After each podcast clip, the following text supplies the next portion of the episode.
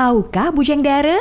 Mau beli barang baru, lalu muncul berbagai pertimbangan di pikiran kita. Ini adalah hal yang wajar dan justru baik untuk diri kita karena ini berarti kita peduli dengan kondisi keuangan kita Bujang Dara. Tahukah Bujang Dara? Daripada pertimbangan kita melebar ke mana-mana, jadi makin bingung, coba mulai pertimbangan kita dengan pertanyaan, aku punya barang dengan fungsi yang sama atau enggak ya? Kalau jawabannya ya, bisa jadi kita memang nggak butuh barang baru lagi. Perlu Anda ingat juga, ketika kita udah banyak pertimbangan dan masih belum yakin juga, bisa jadi kita memang nggak terlalu butuh barang itu. Tahukah Bujang Dara?